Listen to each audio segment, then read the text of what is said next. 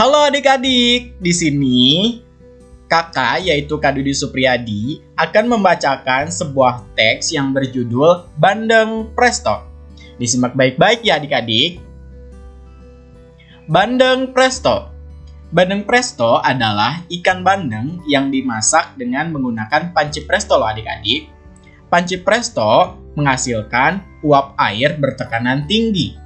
Hal itu yang akan membuat daging ikan menjadi lunak. Tapi tidak hanya dagingnya loh, duri ikan pun akan menjadi lunak juga.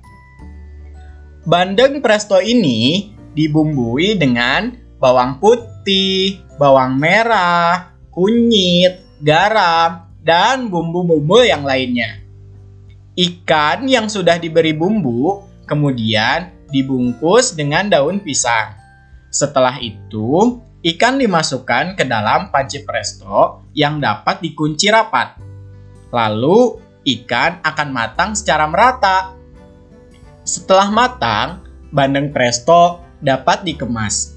Kira-kira cara mengemasnya gimana ya?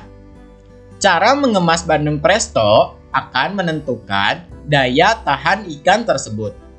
Jika dibungkus dengan plastik biasa, ikan akan bertahan selama lima hari. Tapi jika dibungkus dengan menggunakan plastik tahan udara, ikan akan bertahan hingga tiga bulan loh adik-adik. Nah, adik-adik, itu adalah isi bacaan dari teks Bandeng Presto. Terima kasih ya adik-adik karena telah mendengarkan dengan baik.